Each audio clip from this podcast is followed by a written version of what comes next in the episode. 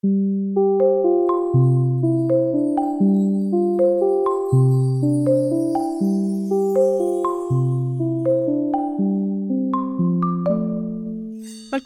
eh, Vigdis Vanvik.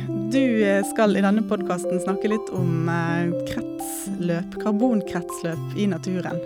Og før du skal få lov til det, så skal jeg begynne med å lage stand en kopp te. Ja, og det er ikke noe hvilken som helst te det er snakk om her. Vi snakker om Lipton grønn te og Lipton Roybors te. Så vi har faktisk to forskjellige teposer her som vi driver og ordner med.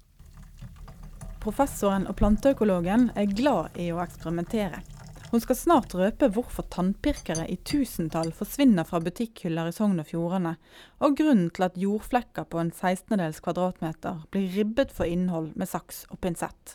Men akkurat nå er det altså en tepose som får oppmerksomheten vår. Og denne teposen som du har, har laga i stand til oss nå, den, den, er jo da en, en pose med Lipton grønn te en sånn trekanta, litt sånn plastaktig pose. Og det som ligger inni der, vi tenker på det som te, men du kan også tenke på at dette her er dødt plantemateriale. Og for meg som, som ikke som tedrikker, da, men som, som, biolog, så er dette her en ganske sånn en veldig greit lite eh, eksperimentverktøy. fordi at eh, Hvis jeg er interessert i nedbryting av karbon i, i jorda, så kan, ta, så kan, jeg ta, en sånn veldig standardisert pose med plantemateriale og så kan jeg undersøke hvor fort brytes det ned. Så det vi har gjort, er at vi har, jeg er med på et stort internasjonalt prosjekt hvor vi har tatt sånne poser som er her, og så har vi gravd dem ned overalt. I regnskogen og i åkerjord og på Grønland, og også da på Vestlandet. Fjord og fjell. Ja, Og det har du vært med på sjøl? Ja da. Og grave ned teposer i bakken? Ja da, vi graver dem ned, så lar vi dem ligge i tre måneder, så henter vi dem opp igjen. Og så veier vi dem. Hva er det dere kan finne ut av? Det vi kan finne ut av, det er hvor fort nedbrytinga skjer i bakken.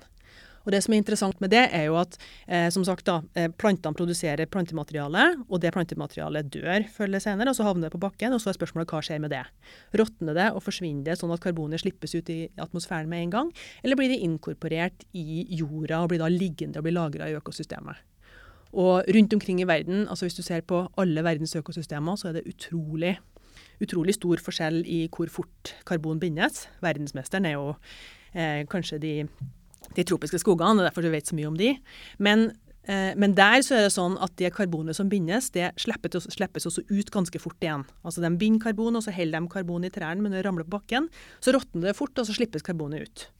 Mens eh, f.eks. i boreale økosystemer, altså i skoger og myrer og sånne ting, på våre breddegrader, så er det kaldere og det er fuktigere. Det betyr at eh, bindinga, karbonbindinga går mye saktere. Men utslippet går også veldig mye saktere, og særlig i strøk hvor det er hvor det er fuktig. Det vet vi jo, ikke sant. Altså, sånn Kroneksempelet på det er jo myra. Der er det helt bløtt i bakken. Veldig veldig dårlige forhold for, for nedbryting. Men dermed så er det også kjempegode forhold på, for karbonlagring.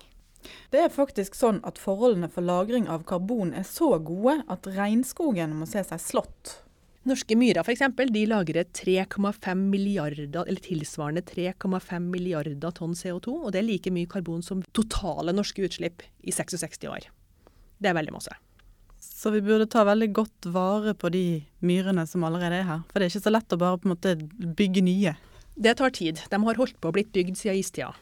Så det tar tid. Og det er derfor også når vi snakker om eh, alt fra drenering av myra til eh, hva slags blomsterjord du skal kjøpe på plantasjen, det er utrolig viktig at vi, at vi ikke slipper ut eh, karbon fra de her økosystemene mer enn vi absolutt må. Og det å ta vare på det som ligger der, er kanskje enda viktigere enn det å få prøve å lagre noe nytt. Det gjelder altså å finne ut hvordan ulike planter eller dødt plantemateriale påvirker klimaet. Og det skal bl.a. de nedgravde teposene hjelpe forskerne med. Men Vanvik er også opptatt av hvordan klimaet påvirker plantene. Og for å finne ut det, kan det varierte terrenget og vekslende været på Vestlandet være et perfekt laboratorium. På en måte så kan du si at, at det kan gi oss en slags sånn, sånn, sånn snarvei inn i framtida. Altså F.eks. så er det sånn at en, eh, når, du går, eh, når du går oppover i høyde fra havnivået og oppover på et fjell, så, eh, så, blir det gradvis kaldere i klimaet. Det, det vet vi jo. Eh, og faktisk så blir det ca. en halv grad kaldere per 100 meter. Eh, sånn at når du har en fjellside på 1000 meter, så betyr det at det er fem grader kaldere på toppen av det fjellet enn det er ved havnivået.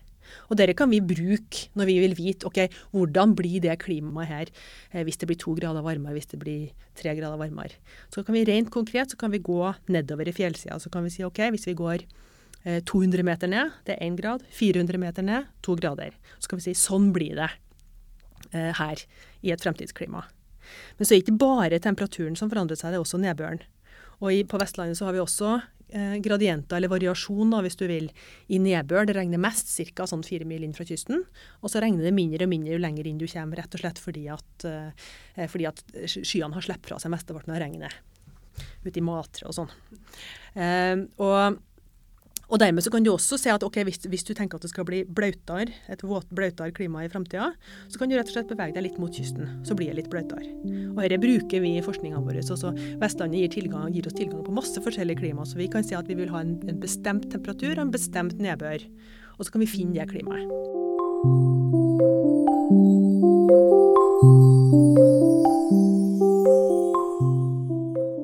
Av de prosjektene som, som, vi driver på med, så driver vi undersøker hvordan, altså hva slags rolle spiller moser og gras, og også blomsterplanter, urter, i, eh, i, i, klima, i, klimadynamikken.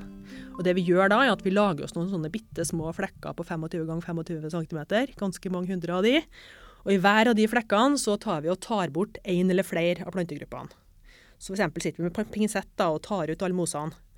Ellers, og noen ruter så sitter vi med saks og klipper bort alle grasene. Og i noen ruter så gjør vi begge deler. Og det vi gjør her, er at vi undersøker hvordan fungerer et økosystem som ikke har mosa i seg, som ikke har gras i seg, som ikke har urter i seg. Og Det er ikke noe sånn veldig realistisk scenario å tenke seg at du skal ha en natur uten mosa, f.eks. Men det som er interessant, og det er en sånn generell, en sånn generell ting i, når vi driver på veldig mye innenfor økologi, det som er interessant er at hvis vi, hvis vi skrur litt på ting, hvis vi manipulerer på naturen, så kan vi på en måte måle Ved å ta bort mosene, så kan vi måle kan vi måle hva slags rolle spiller de i naturen. Og det vi tror, og det vi driver og måler på, er at vi tror at grasene og trærne og de, de store grønne plantene, de har en veldig viktig rolle når det gjelder karbonbinding. For det er dem som sender opp blad og masse grønt bladverk og får tak i en god del av sollyset og liksom får dratt ned, får dratt ned karbonet. da. Mens mosene eh, og de, de, mindre plantene som vi kanskje ikke tenker så mye på, ser så mye til, Eh, I hvert fall ikke sånn folk flest, da. Eh, det de gjør, er at de holder bakken fuktig, og de holder jorda fuktig. og Dermed kan de ha en veldig viktig rolle når det gjelder å, å holde det karbonet som er bundet i systemet, altså å minke nedbrytingen. Manipulasjonene som Vanvik snakker om, foregår bl.a. i vestlandsnaturen. På små jordflekker på størrelse med en middagstallerken. Og i disse eksperimentene har bl.a. tannpirkere fått bein å gå på. Eh, når vi skal merke små planter, som f.eks. Uh, urter og gras, og ikke for ikke å snakke om moser, så må vi ha noen små ting å, å, å merke dem med. Og det er en av tingene vi bruker da, er f.eks. tannpirkere. Det er sånne små plasttannpirkere. Hvite, litt flate. Ja visst. Hvis du ser på her, så står det tall på dem òg. Det står små tall, jeg har skrevet tall på dem. Sånn at vi skriver på dem tall, og så setter vi den her ved siden av en plante, og da vet vi f.eks. at det er nummer X378, da. Og så kan vi følge dem over tid. Klart, Én plante forteller oss ingenting, men vi har tusenvis, titusenvis faktisk av her. Hvor mange har du? Eh, av planter som er merka, så har vi ca. 100 000. Eller vi har hatt, da. vi har mista noen underveis. Eh, og av frøplanter som vi har, som vi har, eh, som vi har merka, som vi har sett om overlevd og hvordan det går med de, så har vi hatt 64 000 stående rundt omkring. Så jeg tror da, Vi kjøper jo de tannpirkerne på butikkene rundt omkring i Sogn og Fjordane. Så det jeg tror er at, at, eh, at, det går rykter om en sånn dentalhygienisk vekkelse gjennom Sogn og Fjordane hver sommer. Men, eh, men egentlig så er det bare oss, da. Når så mange planter er merket, målt og vurdert, gir det godt grunnlag for å lage modeller. Og De viser bl.a. at klimaet påvirker hvordan planter samarbeider. En ting som vi var veldig interessert i, da, og som vi har vært veldig eh, på jakt etter i de her, eh, i de her eksperimentene, det er å prøve å forstå mer om interaksjonene mellom artene. Vi kaller det interaksjoner, men er det konkurranse, eller er det samarbeid i naturen? Og Grunnen til at vi er interessert i det, er fordi at hvis det er sånn at artene konkurrerer med hverandre, altså hvis det er sterk konkurranse i systemene, så betyr det at hvis én art gjør det dårlig, hvis én art får problemer, så kan de andre komme inn og, og ta over og gjøre den samme jobben i økosystemet. F.eks. da lage karbon. Eh, mens hvis det, er, hvis det, er, mer samarbeid i naturen, altså hvis det er mer samarbeidsrelasjoner som preger økosystemet, så betyr det at hvis én art sliter og forsvinner, så kan de andre som er avhengig av den arten, også få problemer. Og En veldig interessant ting som vi har sett, og det har vi sett ved hjelp av de her høydegradientene som vi har brukt i, langs, langs, langs vestlandsfjordene, at i lavlandet, altså i varme klima, så er det ganske mye konkurranse som preger økosystemene. Men når du kommer opp i fjellet, så blir det stadig mer samarbeid. Eh, og det er faktisk det, det, er et problem. fordi at det betyr at når vi får klimaendringer, f.eks. når det blir mer, både mer nedbør, høyere temperatur, men også mer ekstremvær, så betyr det at når fjellplantene får problemer, så, de, så er det vanskeligere å få at andre kan ta over jobben. Sånn at økosystemet er mye mer sårbart for klimaendringer enn det du har i lavlandet.